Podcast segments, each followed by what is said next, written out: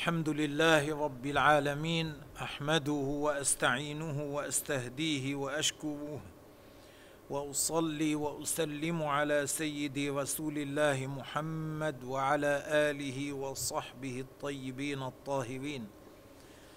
الكلام الآن إن شاء الله في الحديث العشرين من الأربعين النووية. العشرون. العشرون يعني الحديث العشرون. من هنا إلى آخر الكتاب في الغالب لم يذكر النووي قبل لفظ العدد لفظ الحديث. قبل كان يقول الحديث الأول الحديث الثاني. أما من هنا إلى الأخير في الغالب يقول العشرون الحادي والعشرون الثاني والعشرون من غير أن يذكر لفظة حديث قبله. نعم. عن أبي مسعود عقبة بن عمرو الأنصاري البدري رضي الله عنه قال هو أنصاري من الخزرج. عقبة بن عمرو أنصاري خزرجي. ممن شهد بيعة العقبة يعني من من من السابقين من الأنصار رضي الله عنه. ولقب بالبدري لنزوله بدرا أو لشهوده معركة بدر في المسألة خلاف. منهم من قال لم يشهد معركة بدر ومنهم من قال شهدها. وإلى هذا ميل الحافظ ابن حجر رحمه الله تعالى. سكن الكوفة ومات بها في خلافة علي رضوان الله تعالى عليهما. قال قال رسول الله صلى الله عليه وسلم إن مما أدرك الناس يعني بعض ما بعض ما أدرك الناس نعم. إن مما أدرك الناس من كلام النبوة الأولى من كلام النبوة يعني من كلام ذوي النبوة. في اللغة العربية يوجد شيء يقال له حذف المضاف. ذوي النبوة. ذوي مضاف والنبوة مضاف إليه. كما تقول كتاب الطالب. كتاب مضاف والطالب مضاف إليه. أحيانا العرب إذا كان الأمر واضحا يحذفون المضاف من الكلام. ولكن يحذفون المضاف من الكلام ويسند الفعل أو نحوه إلى المضاف إليه وذلك لأن المعنى واضح. كما قال الله تعالى واشربوا, وأشربوا في قلوبهم العجل. أي اشربوا حب العجل. لكن حب ما ذكر في القرآن؟ لكن المعنى هكذا بس لوضوحه.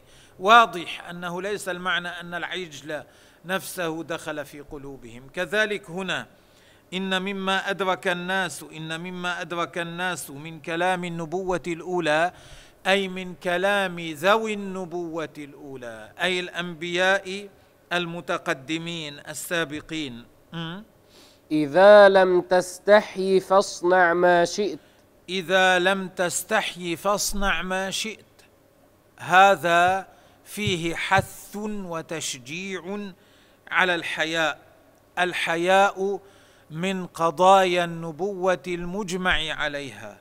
كل الشرائع كل الأنبياء اتفقوا على مدح الحياء. في كل الشرائع الحياء شيء مستحسن مامور به. لم ينسخ لم يكن خلاف ذلك في شرائع الأنبياء الأولين.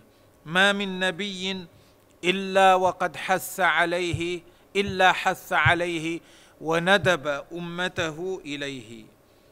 وهذا في الحياء الممدوح. ما هو الحياء الممدوح؟ خجل يكون في النفس يمنع الإنسان من أن يفعل ما هو قبيح شرعا أو قبيح عرفا. شيء شعور خجل في النفس يمنع الإنسان من إتيان المعصية. ومن إتيان المكروهات الأمور المستقبحة في الشرع ويمنعه أيضا من إتيان ما يستقبحه العرف. أي عرف؟ عرف ذوي الفضل عرف الناس الفضلاء. ما يستقبحه أعراف الناس الفضلاء وعاداتهم لا يأتيه. بسبب إيش؟ بسبب هذا الحياء هذا الخجل الذي في قلبه.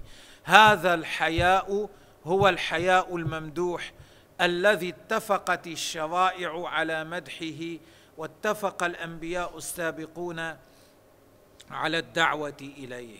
واتفق الأنبياء كلهم على الدعوة إليه. وهذا هذا الشعور ينشأ عن علم القلب وشهود القلب بأن الله تعالى رقيب عليه.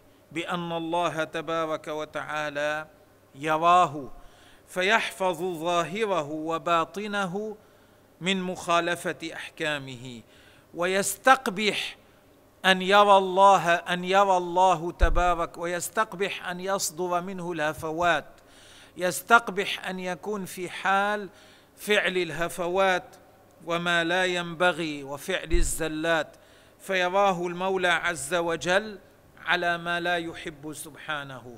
فينشط لذلك إلى المعالي. يقبل على الخيرات. يصرف وقته في الطاعات في الحسنات. يبتعد عن الأمور القبيحة. ومعتمدا في ذلك على الله تبارك وتعالى. متوكلا عليه سبحانه عز وجل. سبحانه وعز وجل. وعلى هذا مدار الإسلام. من هنا قال النبي عليه الصلاة والسلام الحياء من الإيمان. الحياء من الإيمان. الله يرزقنا ذلك. وأقل مراتبه أقل مراتب كمال الحياء أقل مراتب كماله أقل مراتب كمال الحياء ألا يراك الله حيث نهاك وألا تفتقد حيث أمرك. يعني ألا تعصي الله حيث نهاك أي ألا تقع في معصية الله تبارك وتعالى. وألا تكون غير فاعل للواجب. ما أوجب عليك فعلته وما نهاك عنه تركته. هذا أقل مراتب الحياء مراتب كماله. هذا أقل مراتب كمال الحياء أدنى درجات كمال الحياء أن يكون في الإنسان خجل في قلبه يمنعه من ترك الواجبات ويمنعه من فعل المحرمات. ثم بعد ذلك الحياء درجات يعلو فيها الإنسان. كلما ترقى الإنسان تحلى بدرجة أعلى كلما ترقى في الفضل عند الله ويبقى يترقى حتى يصل إلى حد يستحيي فيه الإنسان أن يصرف وقته فيما لا يحب الله أن يصرف جهده فيما لا يحب الله أن يصرف عمره فيما لا يحب الله. أن يصرف آه، ما أعطاه الله من النعم في الأمور التي هي من السفاسف التي هي ليست من المعالي. يستحي الإنسان أن يصرف ماله في سفاسف الأمور أن يضع جهده ويوجه انتباهه إلى الأمور التي ليست من المعالي. هذا يكون ترقى إلى مرتبة عالية في الحياء يحمله هذا الحياء على فعل على صرف أوقاته وجهده في طاعة الله تبارك وتعالى وفيما يحبه الله تبارك وتعالى. ومن وصل إلى هذه المرتبة فهنيئا له ثم هنيئا. نعم. هذا هذا الحياء الممدوح. أما الحياء المذموم فهو الحياء الخجل من الناس هو نوع خجل من الناس يمنعك من فعل الخير. هذا مذموم هذا ليس هو الحياء الذي مدحه رسول الله صلى الله عليه وسلم ودعا إليه الأنبياء. أن يمتنع الإنسان من الخير حياء من الناس. بل هذا خور هذا ضعف هذا جبن هذا ليس حالة حسنة يحبها الله ورسوله. هذا مهانة للإنسان الذي يقع فيه. وفي مثل هذا الحياء المذموم ورد لا يستحيي الشيخ أن يتعلم العلم كما لا يستحي أن يأكل الخبز. كما أن الإنسان إذا كان كبيرا في السن لا يستحي أن يأكل الخبز كذلك لا ينبغي عليه لا ينبغي له أن يستحي من التعلم. معناه تعلم علم الدين في أي سن كنت لا تستحي من ذلك. أحمد بن حنبل كان بلغ الدرجه التي بلغها ثم رأوه يسرع وفي يده الدواء يعني يحمل الدوات التي فيها المداد الذي يكتب به وهو مسرع يريد أن يلحق مجلس أحد أهل العلم. آه، فقيل له إلى هذا السن مع المحبرة؟ فقال مع المحبرة إلى المقبرة. يعني أنا أستمر في طلب العلم إلى الوفاة ولم يمنعه سنه ولا قدره من طلب العلم. وهذا الذي ينبغي لأن الإنسان إذا كان كبيرا في السن فلم يحصل علم ولم يحصل الفرض العيني من علم الدين بعد. إذا استحيا أن يراه الناس يطلب العلم ماذا تكون نتيجة ذلك؟ تكون نتيجة ذلك أنه قدم مرضاة الناس على مرضاة الله. تكون نتيجة ذلك أنه استمر جاهلا بعلم الدين. تكون نتيجة ذلك أن يقع في المعاصي وهو لا يدري أنها معاصي. تكون نتيجة ذلك أن لا يتوب من الذنوب لأنه لا يعرف أنها ذنوب. تكون نتيجة ذلك أن يموت على حال غير مرضي عند الله. لا سيما أن الشيخ الذي صار مسنا صار قريبا من الموت فهذا الحياء الذي يمنعه من الخير ليس الحياء المحبوب ليس الحياء الذي دعا إليه الشرع. إنما هذا حياء مذموم لا يحبه الله ولا يحبه رسوله صلى الله عليه وسلم. وكانت عائشة رضي الله عنها تقول نعم النساء نساء الأنصار لم يمنعهن حياؤهن من التفقه في الدين. حياؤهن من الناس لم يمنعهن من طلب علم الدين من التفقه في الدين. وكذلك قال مجاهد رحمه الله لا يعلم العلم مستح ولا متكبر. المقصود بمستح هنا هذا المتصف بالحياء المذموم الذي يمنع من الخير لأجل الناس مرضاه للناس. نسأل الله أن يسلمنا من مثل ذلك. الله. اعد الحديث.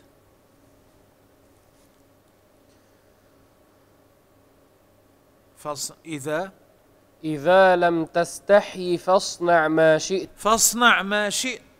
ليس معنى هذا أنه إذن في أن يفعل الإنسان ما يريد إذا كان غير متحل بالحياء لا إنما هذا قيل فيه وجوه فيه أكثر من وجه.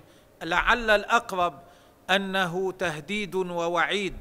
إذا لم تستحي فاصنع ما شئت مثل قوله تعالى تعالى اعملوا ما شئتم. ليس معنى هذا ليس معنى هذه الآية أنه مأذون للكافر أن يكفر وللعاصي أن يعصي. إنما هذا تهديد ووعيد. كذلك قول الأنبياء السابقين إذا لم تستحي فاصنع ما شئت. معناه يأتك العقاب على ما فعلت. تجد عاقبة ما فعلت من الأمور التي تخالف شرع الله تعالى ومن الوقوع في المنهيات والمعاصي التي لم يحجزك عنها الحياء من الله عز وجل. وهذا مثل ما جاء في الحديث من باع الخمر فليشقص الخنازير ليس معنى هذا الحديث الإذن الإذن في شقص الخنزير وفي بيع الخمر. آه، ليس معناه يجوز تقطيع الخنزير وبيعه كما أنه يجوز بيع الخمر. إنما معنى هذا أن الذي يقع في هذه المعصية هو مثل الذي يقع في هذه المعصية. كلاهما مستحقان لعذاب الله تبارك وتعالى. معناه معناه ليوطن ليوطن نفسه على أنه مستحق لعقوبة الله تبارك وتعالى فهو وعيد لمن يفعل ذلك. رواه البخاري. نعم الحديث رواه البخاري وأبو داود وابن ماجه وغيرهم. والله تبارك وتعالى أعلم.